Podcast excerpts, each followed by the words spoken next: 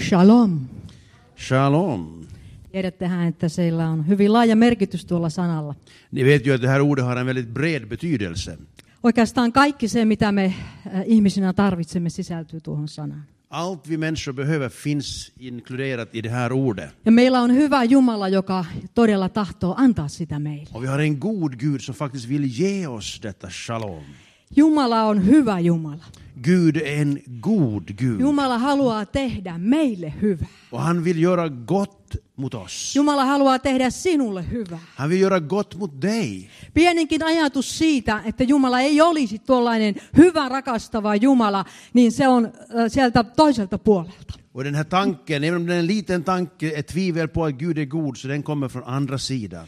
Ja on niin ihana palvella hyvää ja rakastavaa. Det är Jumalaa. underbart att få tjäna en älskande god Gud. Se on ihmisen äh, kutsumus ja ihmisen osa. För det är ju det som alla människor är kallade till.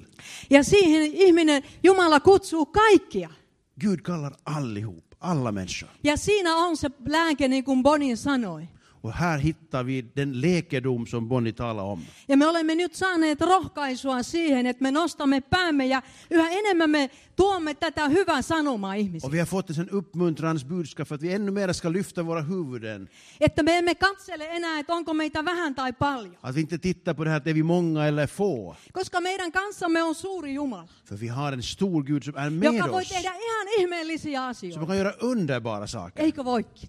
Eller hur?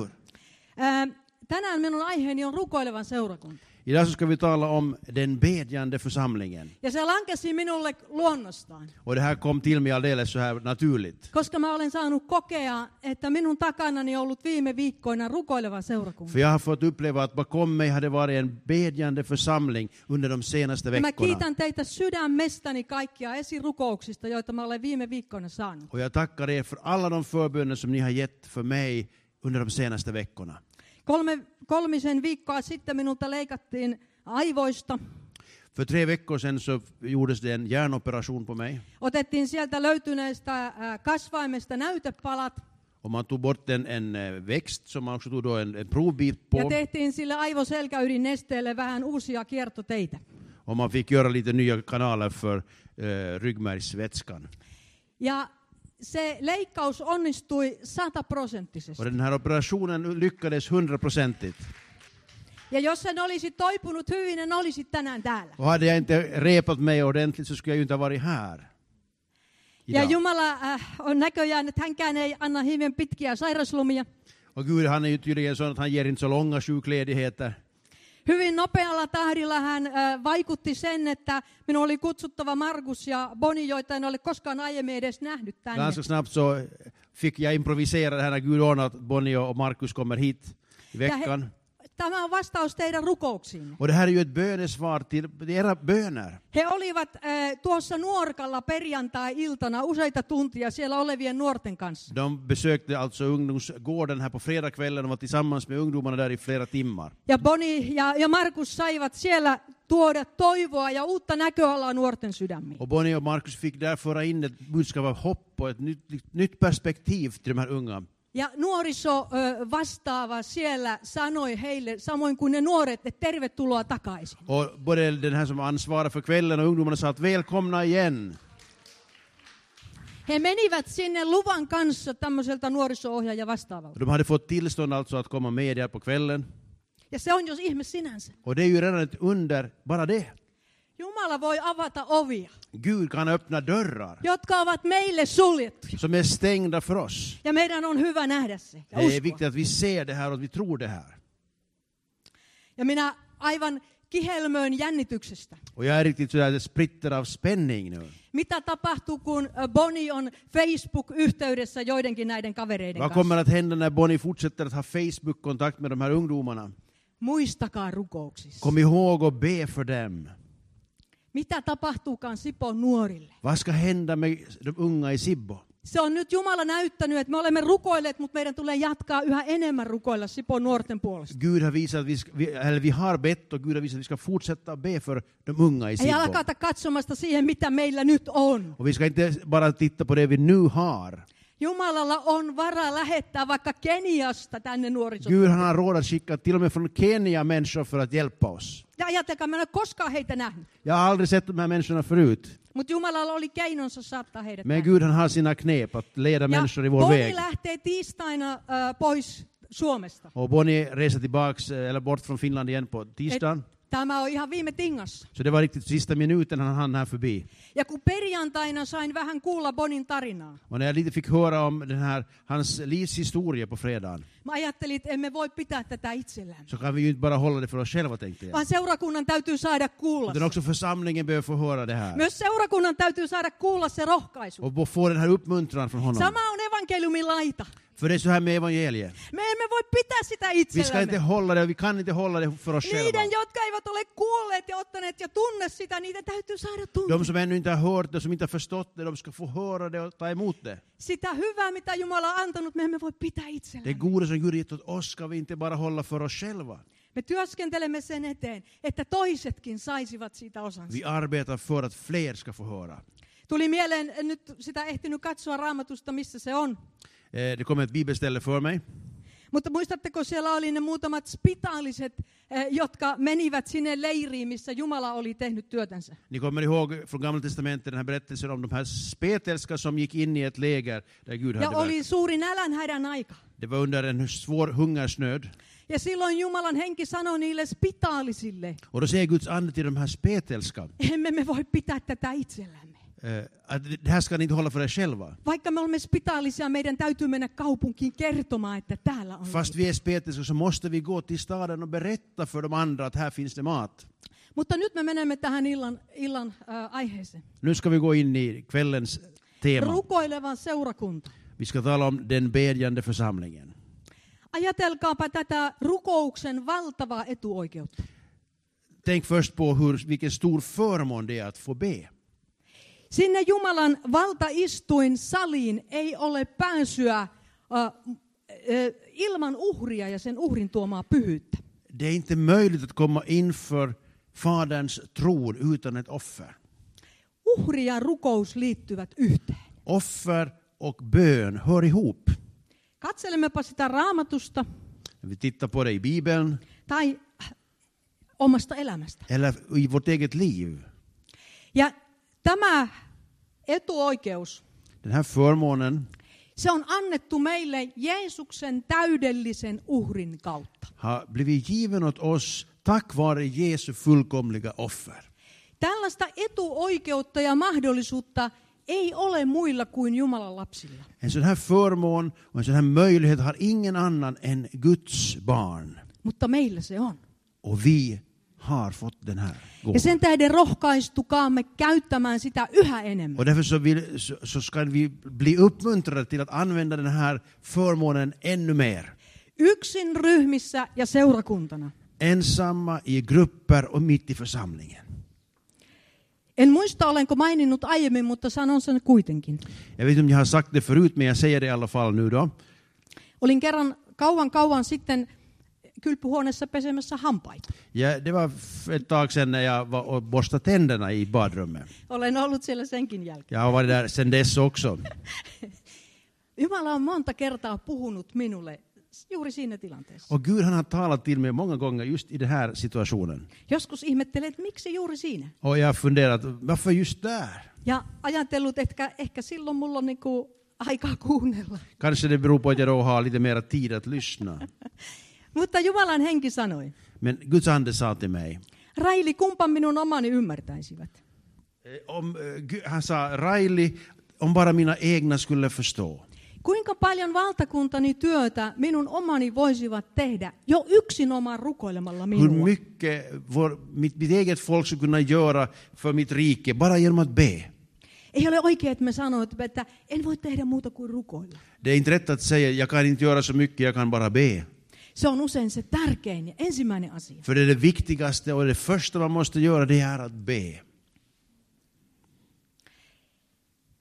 Kahdesta aja, asiasta ajattelin puhua tänään. Det är två saker jag tänkte lyfta fram idag. Ee, Eh, Toinen siis ajatus seurakuntana rukoushuoneena. Eh, Att, tänk dig församlingen alltså som ett bönehus. Ja sitten otamme vähän esimerkkejä apostolisesta seurakunnan elämästä. Och vi ska ta en titt på några exempel i den apostoliska eh, församlingen, den första församlingen. Seurakunta on kaikkien kansojen rukoushuone. Församlingen ska vara eh, ett bönehus, en böneplats för alla folk. Kuka määritteli asian näin? Vem var det som definierade saken på det här sättet? No se oli Jeesus. Det var ju Jesus.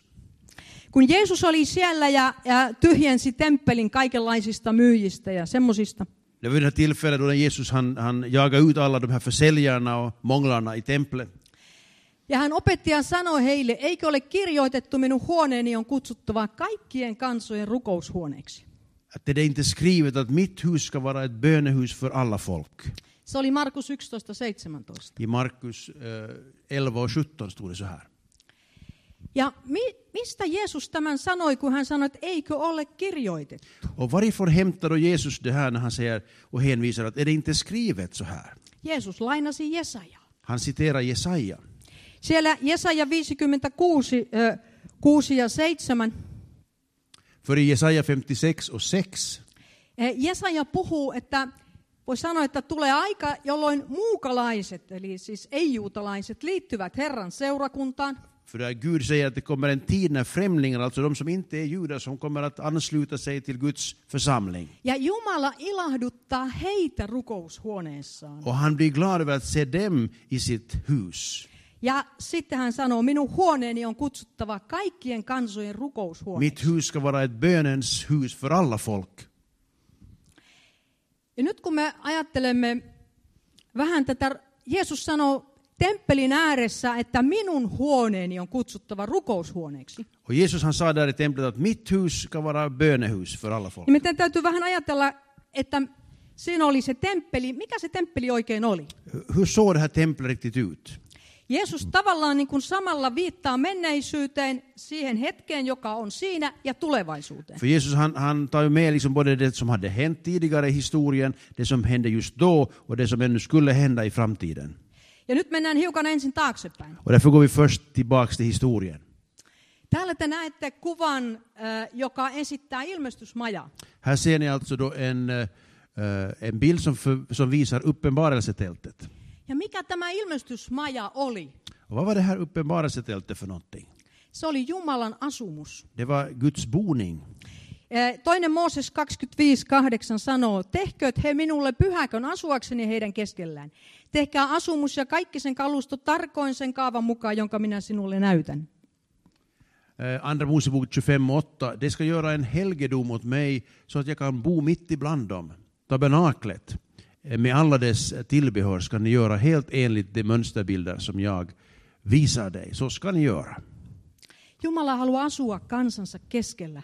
Gud han vill bo tillsammans mitt ibland sitt folk. Niin silloin ja niin nyt. Så var det då och så är det nu.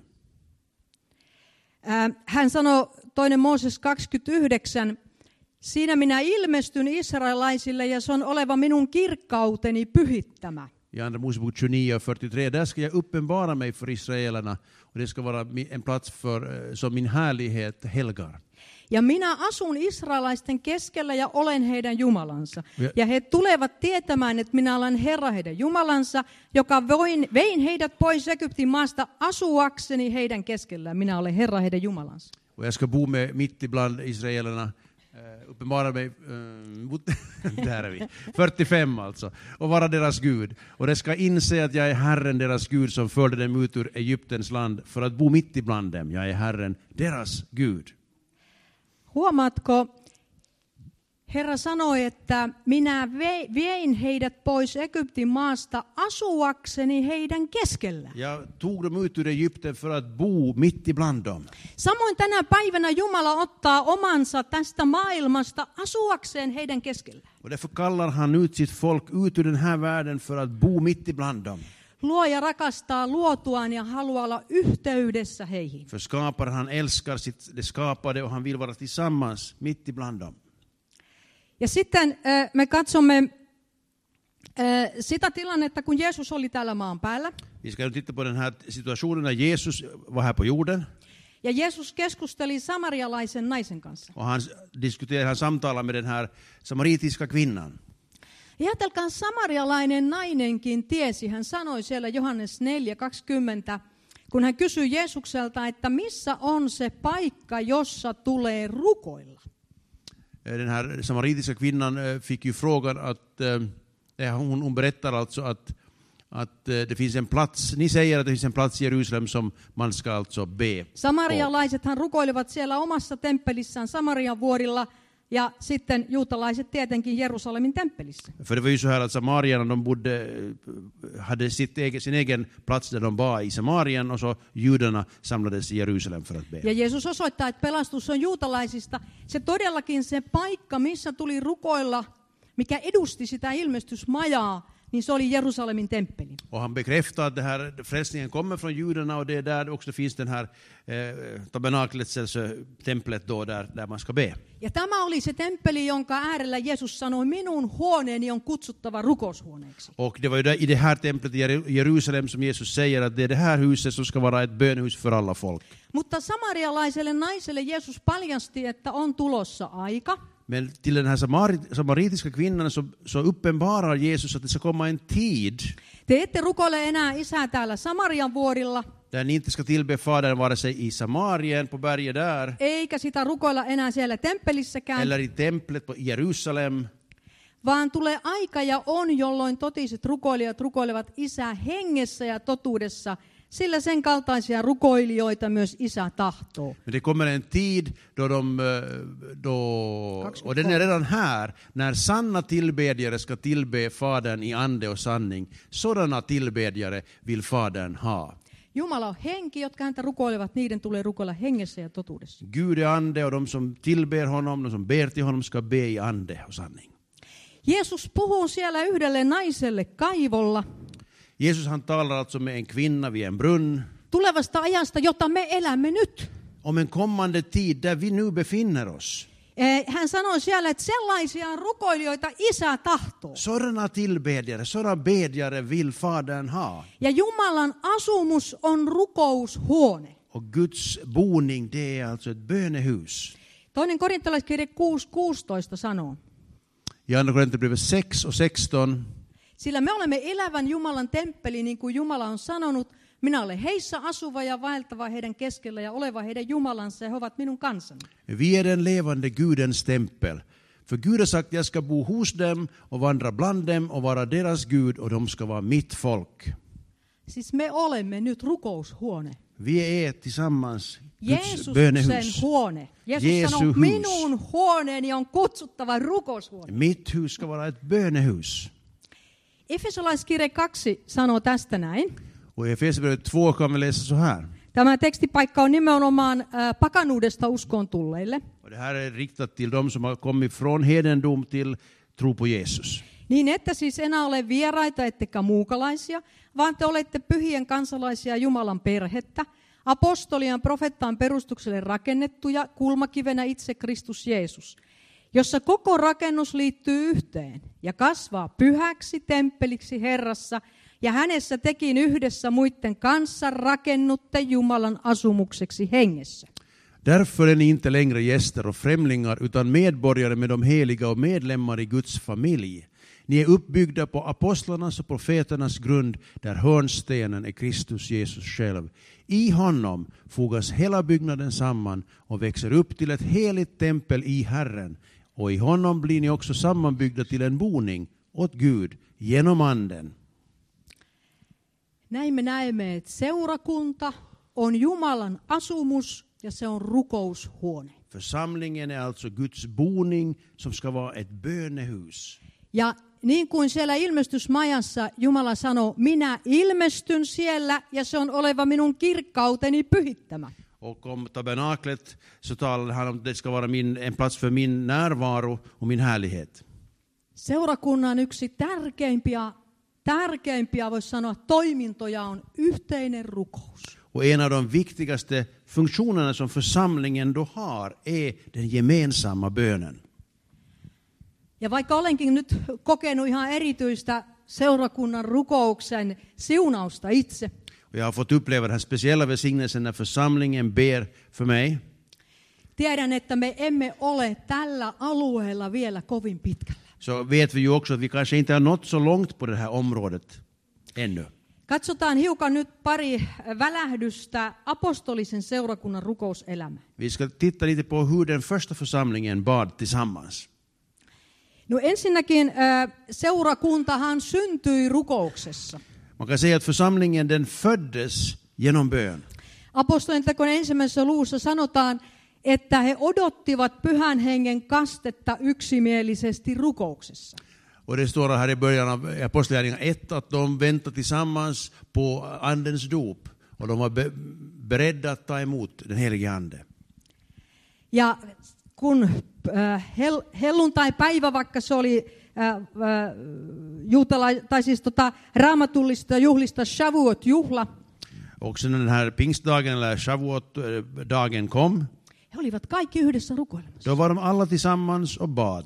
Ja silloin pyhä henki vuodatettiin, he täyttyivät pyhällä Och hengellä. i den, i den situationen så kommer den helige Ande och fyller dem, uppfyller dem. Eh, Ja kun siinä noin kolmen tuhannen henkilön seurakunta syntyi heti samana päivänä, Och samma dag sedan så föddes ju faktiskt den här, en församling på- med 3000 medlemmar. niin heistä sanotaan, että he pysyivät rukouksissa. Och det står om dem att de stannade, de var kvar i bönen tillsammans. Ja se oli hyvin tehokas, koska siellä sanotaan myös, että Herra lisäsi heidän yhteytensä joka päivä niitä, jotka saivat pelastua. Och det var en effektiv bön, för det, det står att Herren eh, fogade till församlingen varje dag de som lät sig frälsas. Kaksi esimerkkiä ensin tuosta otetaan tuosta apostolisen seurakunnan rukouselämästä. Vi tar ännu ett exempel från eh, apostlarnas församling. Ensimmäinen on kuvattu apostolien teot neljä.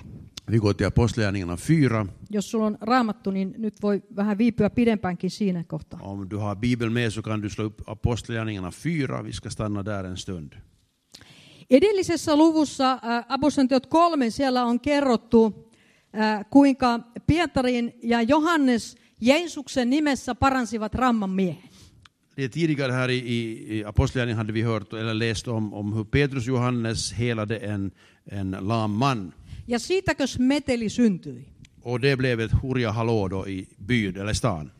Äh, Ja siellä äh, ylipapit ja, ja, ja neuvosto kävivät näihin apostoleihin äh, käsiksi ja kielsivät heitä, etteivät he saa mitään puhua enää Jeesuksen nimeen. Då kom ju översteprästen och de skriftlärare och, eh, tog- och, och beslöt eller s- sa åt de här, befallde de här lärjungarna att de får inte längre predika i Jesu namn.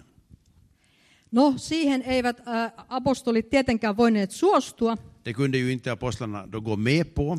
He sanoo täällä apostolien teot neljä, että Pietari ja Johannes vastasivat heille ja sanovat, päättäkää itse, onko oikein Jumala edessä kuulla teitä enemmän kuin Jumala, mutta me emme voi olla puhumatta siitä, mitä olemme nähneet ja kuulleet. Eh, Men Petrus och Johannes svarar alltså de bedöm själva om det är rätt inför Gud att lyda er och inte Gud. Vi för vår del kan inte hålla tyst med vad vi har sett och hört. Ja niin he uhkasi heitä vielä enemmän. Och de här eh, översteprästen och de- och hans folk då hotar de här lärjungarna ännu mera, eller apostlarna ännu mera. Ä, mutta jäi 23 sanoi, että päästyään vapaiksi he menivät omiensa tykö. Men sen står det i vers 23 att när de hade blivit frisläppta gick de till sina egna och berättade. Ja kun he olivat kertoneet kaiken, mitä oli tapahtunut, Och de hade berättat om allt vad som hade hänt och, och de hade sagts, sagts Jäi till dem. 24 sanoi, että he yksimielisesti korottivat äänensä Jumalan puoleen ja sanoivat, Herra, sinä, joka olet tehnyt taivaan ja maa ja meren ja kaikki, mitä niissä on, När de hörde det ropade de tillsammans till Gud och, och bad. Herre, du som har gjort himmel och jord och hav och allt som finns i dem. sinä, joka pyhän hengen kautta isämme Daavidin, sinun palvelisi suun kautta olet puhunut, miksi pakanat pauhaavat ja kansat turhia ajattelevat, maan kuninkaat nousevat ja ruhtinaat kokoontuvat yhteen Herraa hänen voideltuansa vastaan. Tämä on lainausta psalmista kaksi. Eh, Du har genom den helige Ande talat genom vår fader David, din tjänare. Varför rasar hedna folken? Varför tänker folken tomma tankar? Jordens kungar reser sig och furstarna gaddar sig ihop sig mot Herren och hans smorde. Och det här var från psalm 2, citerat. Ää, Totisesti tässä kaupungissa kokoontuivat sinun pyhä poikasi Jeesusta vastaan, jonka sinä olet voidellut sekä Herodes että Pontius Pilatus pakana ja Israelin sukukuntien kanssa. tekemään kaiken, mitä sinun kätesi ja päätöksi oli edeltä määrännyt tapahtuvaksi. Ja, de gaddade verkligen ihop sig i denna stad mot din heliga tjänare Jesus som du har smort. Herodes och Pontius Pilatus gick samman med hedningarna och Israels stammar för att utföra det som du med din hand och ditt beslut hade förutbestämt. Ja sitten he rukoilivat 29 jae. Nyt Herra katso heidän uhkauksiansa. Anna palvelijaisi kaikella rohkeudella puhua sinun sanaasi, ojenna kätesi niin, että sairaat parantuvat ja tunnustekoja ja ihmeitä tapahtuu sinun pyhän poikasi Jeesuksen nimen kautta. Och så bad de, och nu Herre, se hur de hotar oss. Hjälp dina tjänare att frimodigt förkunna ditt ord genom att du räcker ut din hand och låter helanden, helande tecken och under ske genom din helige Je- tjänare Jesu namn. Ja sitten tuli vastaus ihan välittömästi. Och de fick ett svar direkt.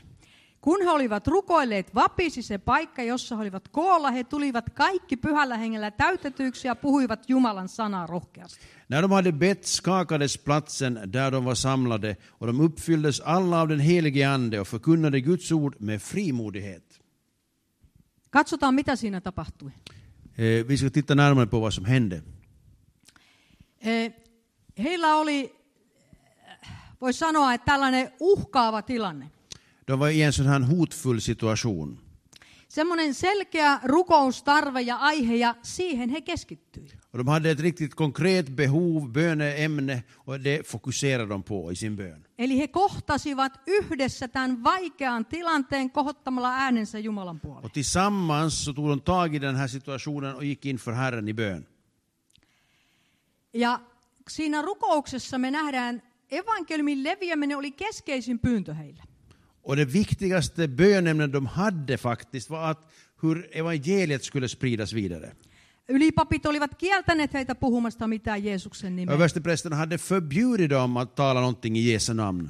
mutta he kohottivat sen rukouksen Jumalalle, että Jumala vahvistaa heitä, että he voivat tehdä sen. Men i bönen så ber de Gud om kraft att frimodigt f- fortsätta att förkunna eh, evangelium. Ja rukoillessaan siellä oli ne raamatun viitteet, niin sano, he näkivät suuren Jumalan, Och de citerar ju, hade liksom bibelreferensen här, de ser en Guds eh, väldighet. ja myöskin sen Jumalan sanan, joka ohjasi heidän rukouksiaan. Och de hade Guds ord som, eh, som så att säga, styrde deras bön. He näkivät muun muassa, että se apostolitet kaksi oli juuri toteutunut siellä ää, Jerusalemissa. De be- liksom bekräftade i bönen att saker som Gud hade lovat hade hänt.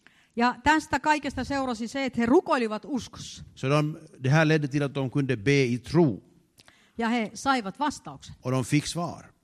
He täyttyivät pyhällä hengellä, De uppfylldes av den helige Ande, puhuivat Jumalan sanaa rohkeasti. och de förkunnar Guds ord frimodigt. Herra paransi sairaita, teki Gud helar tunnustekoja sjuka, heidän och det, keskellään. det skedde under ibland dem.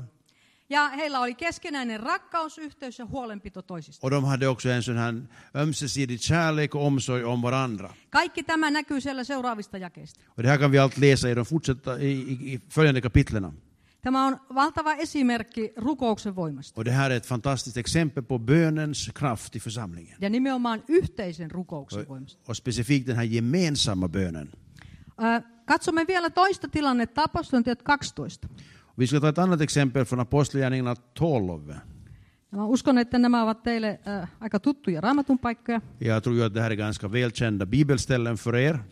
niin ei me tarvitse sitä kokonaan lukea. Så vi behöver inte läsa varenda vers här. Ö, mutta siellä on tilanne, missä kuningas Herodes otti seurakunnan jäseniä kiinni, jopa surmautti ö, Jaakobin, Johanneksen veljen. Och eh, det var ju en situation då den här kungen Herodes eh, lät gripa och misshandla några i församlingen och till exempel också lät avrätta Jakob, Johannes bror. Ja kun hän näki, että juutalaiset tykkäsi tästä, niin hän otti Pietarinkin vankiksi. Och när han såg att judarna gillade det här så tog han också fast Petrus. Ja Piet, äh, siellä sanotaan apostolien 12.5, että niin pidettiin Pietaria vankeudessa, mutta seurakunta rukoili lakkaamatta Jumalaa hänen edestään. Petrus hölls därför kvar i fängelse medan församlingen bad ihärdigt till Gud för honom. Ja sitten on hyvin merkillinen kohta.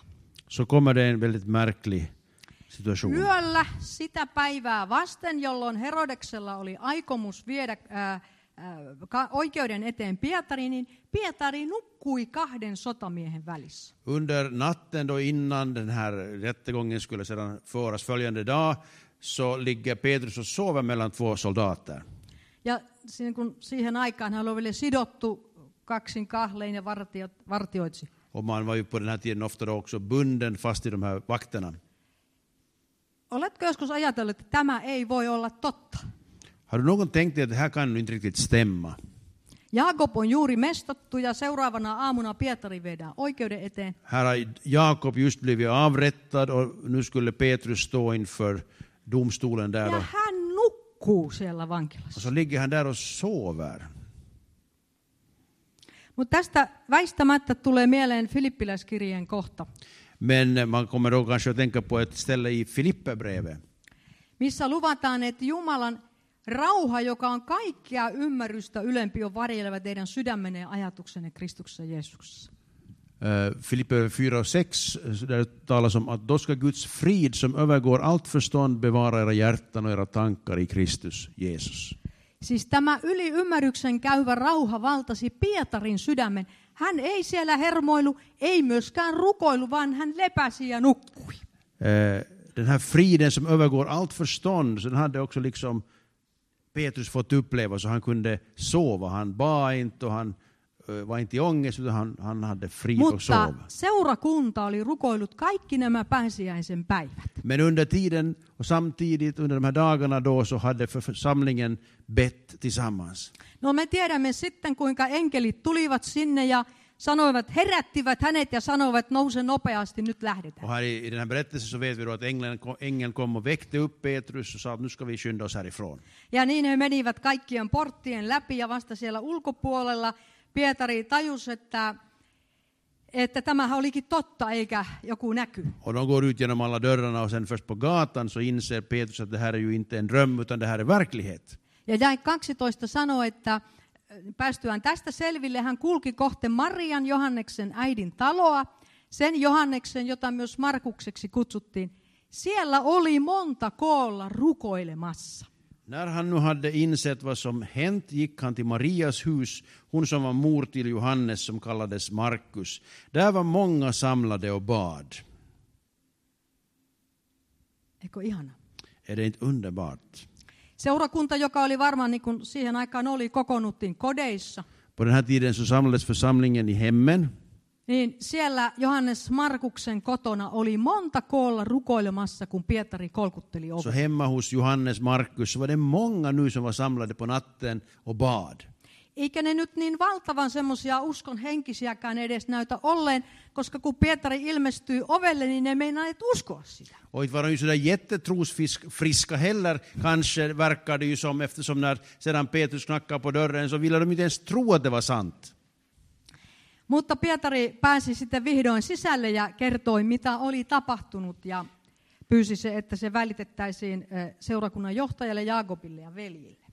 Och så småningom så kom ju Petrus in och kunde berätta hur Herren hade fört honom ut ur fängelset och att de skulle berätta det också för de andra apostlarna. Herodes äh, ei sitten, ja muut eivät löytäneet häntä sieltä vankilasta, niin ne oli aika ihmeissään. Så när Herodes och de andra inte hittade honom sen i fängelset så var de ju förstås förundrade. Ja sotamiehet saivat siitä kärsiä. Och det var säkert synd om soldaterna den morgonen. Äh, Sitten äh, Herodes meni Kesareaan, sehän oli roomalaisten hallituskaupunki. Eh, sedan så, eh, Kesarea. den här eh, Herodes for iväg till Caesarea, var det så? Ja. Ja. ja kerrotaan, että siellä Herodes määrättynä päivänä pukeutui kuninkaalliseen pukuun, istui istumelleen, piti heille puheen. Siihen kansa huusi Jumalan ääni eikä ihmisen, mutta Herra heti löi häntä Herran enkeli sen tähden, ettei hän antanut kunniaa Jumalalle ja madot söivät hänet, hän heitti henkensä. Vi läser vidare om Herodes hur det gick eh, i- från vers 21. På utsatt dag satte sig Herodes på tronen klädd i kunglig skrud och höll ta- ett tal till dem. Då ropade folket, det är en Guds röst, inte en människas. Genast slog en Herrens ängel honom därför att han inte gav Gud äran och han blev uppäten av maskar och dog. Kysymyksessä oli Herodes Agrippa ensimmäinen. Det här handlar om Heri- Herodes Agrippa den första. Tämä oli Herodes suuren pojan poika. Och Det är alltså sonson till Herodes den store. Ää, Ja historia kertoo, että hän, hän äkillisesti kuoli Kesarean teatterissa. Och det står i i de andra eh, historiska skrifterna om att han dog där i Caesarea-teatern helt plötsligt. Ja mikä sitten ihanaa, viime- 24 jae, mutta Jumalan sana menestyi ja levisi. Men i vers 24 så läser vi då Guds ord hade framgång och spred sig allt mer. Jos Jumala on meidän puolellamme, kuka voi olla meitä vastaan? Om Gud är för oss, vem kan då vara emot oss? Ennemmin tai myöhemmin ää, Jumalalla on tilanne hallinnassa joka tapauksessa. Förr eller senare så är det ju så här att Gud har ändå situationen under kontroll. Vielä yksi välähdys seuraavaan lukuun apostolintiot 13. Vi tar ännu en titt på följande kapitel, alltså trettonde kapitlet i Apostlagärningarna. Siellä sanotaan jakeessa kaksi Antiokian seurakunnasta. Då s- berättas det från församlingen i Antiochia. Heidän toimittaessaan palvelusta Herralle ja paastotessaan pyhähenki sanoi, erottakaa minulle Barnabas ja Saulus siihen työhön, johon minä olen heidät kutsunut. Silloin he paastosivat ja rukoilivat, panivat kätensä heidän päälle ja laskivat heidät menemään. När de tjänade Herren och fastade sa den helige Ande, avskilj Barnabas och Saulus åt mig för den uppgift som jag har kallat dem till. Då fastade de och bad och la händerna på dem och skickade sedan ut dem. Eli kun seurakunta oli paastossa ja rukouksessa, niin pyhä henki puhui heille. När församlingen fastade och bad så talade den helige Ande till dem. Ja pyhä henki sanoi, että erottakaa minulle, siis Ok. pyhälle hengelle. Och den helige Ande säger, avskilj de här åt mig, alltså åt den helige Ande. Eikö ole mielenkiintoista? Är det ganska, visst är det intressant det här? Pyhä henki voi sanoa, että minä tarvitsen häntä. Den helige Ande kan säga att jag behöver de här. Erottakaa, ja niin kuin sanoit, he panivat kätensä heidän päällensä, siis siunasivat heidät ja laskivat Och meidät. så står det att de bad och la händerna på dem och skickade iväg dem. Nyt vähän yhteenvetoa vielä. Ska vi ta ett litet sammandrag här.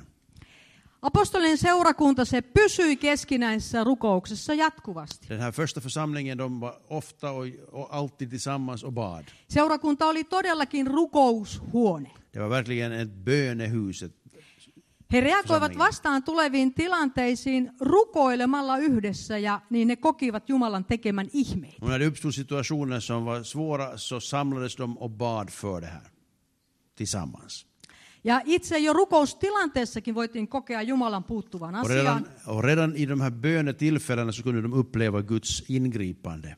Ja läsnä olevissa rukoilijoissa tapahtui muutos. Och i de här som var närvarande och bad tillsammans så skedde det en förändring.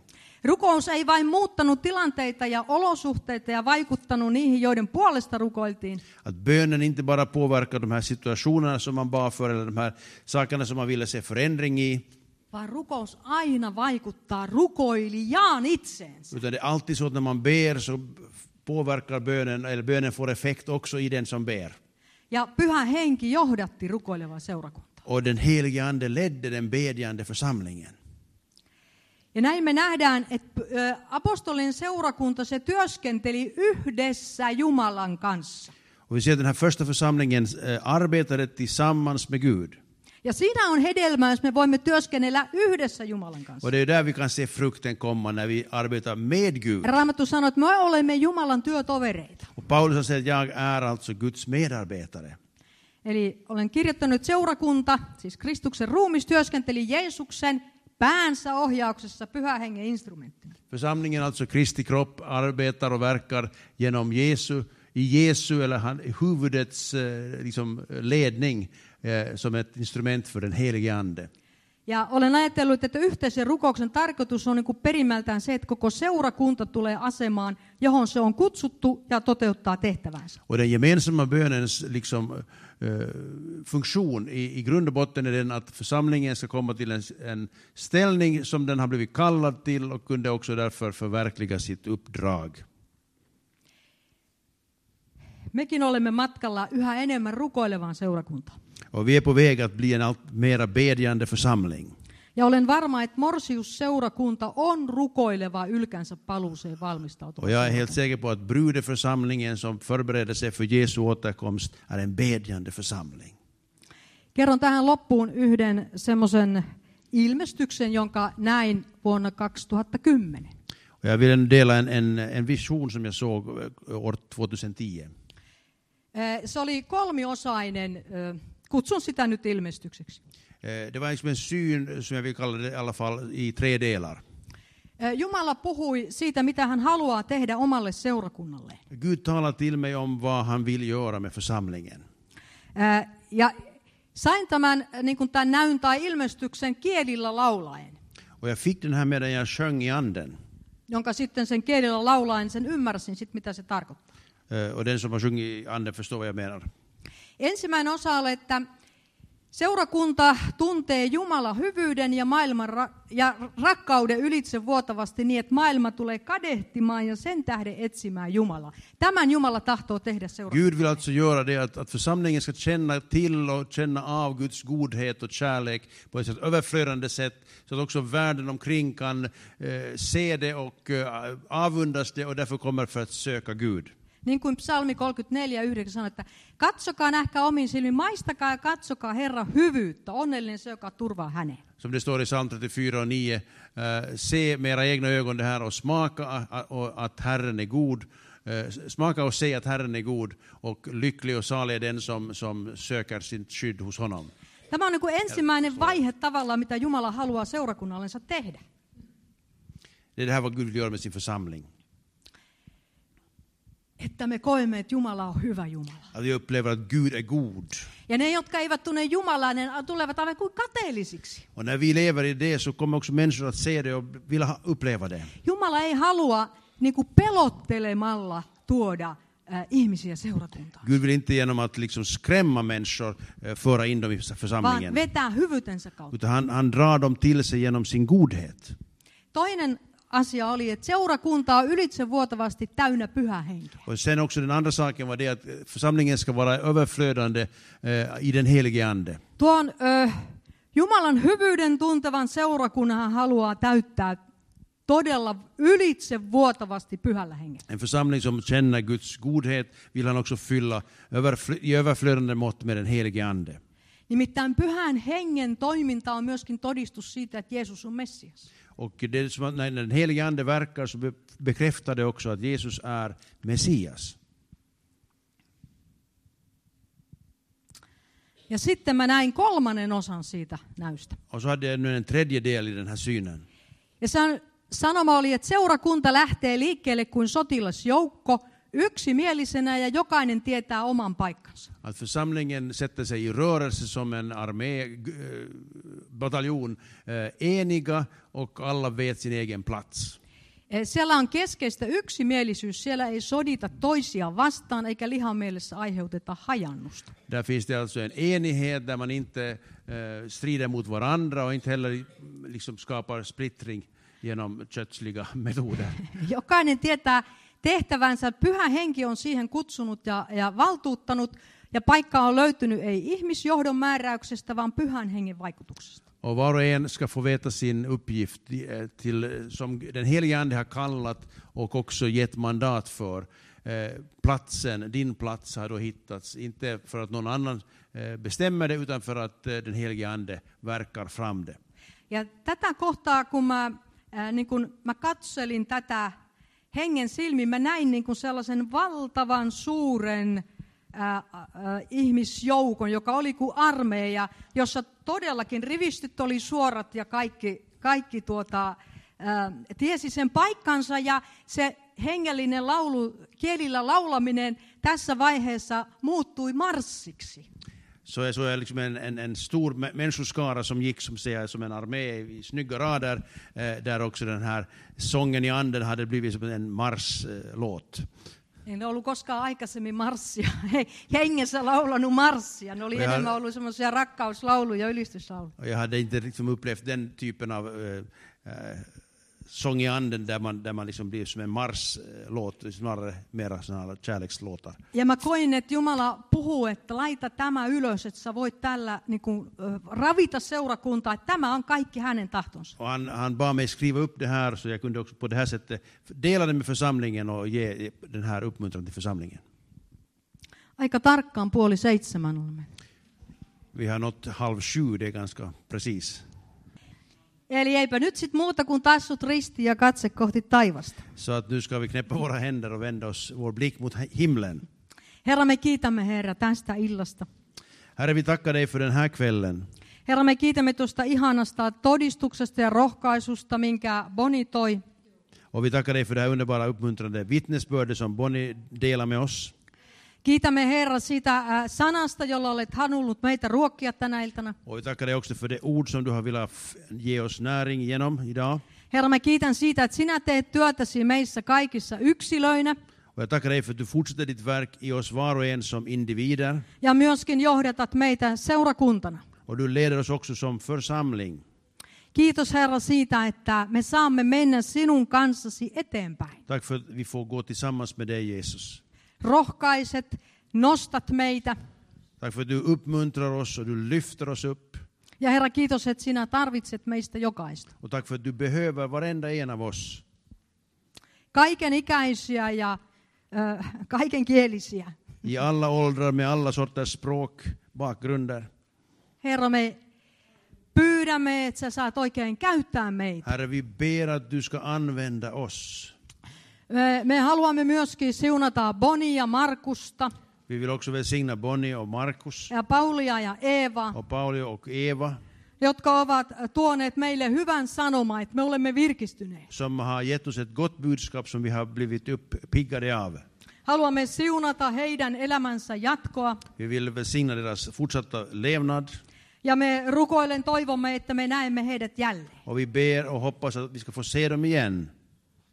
Tänne on tullut rukousaihe, nuorukainen on vaikeuksissa, hänen tielleen on tullut suuria vaikeuksia koskien hänen uraansa, Herra johdata. Här har också vi har fått ett inlämnat bönämne, en ungdom som har svårigheter i sitt liv med, med arbete och och andra saker. Vi ber om Herrens ledning. Herra, kiitos siitä, että me saadaan yhdessä seurakuntana kantaa tämä nuorukainen sun kasvojen eteen. Herre, tack för att vi tillsammans som församling får lyfta den här, försam- den här unga mannen inför dig. Herra, sinä haluat sanoa ne vaikeuksille, että lakeudeksi sinä suuri vuori. Och du har eh, sagt att det här berg ska förflytta sig. Herra, me rukoilemme sitä, että sinä tasoitat tuon nuorukaisen tien. Och Jag vill tacka dig för att du vill ut, jämna ut vägen för den här mannen, un, unge, ungdomen. Ja hän saa tulla tuntemaan yhä voimakkaammin, että sinä olet Herra. Att han får känna ännu mer att du är Herren. Ja sinulle on kaikki mahdollista. Och för dig är allting möjligt. Ja sinä tahdot ö, vallata koko hänen nuoren elämänsä. Därför du vill uppfylla hela hans liv. Jeesuksen nimessä. I Jesu namn. Amen. Amen.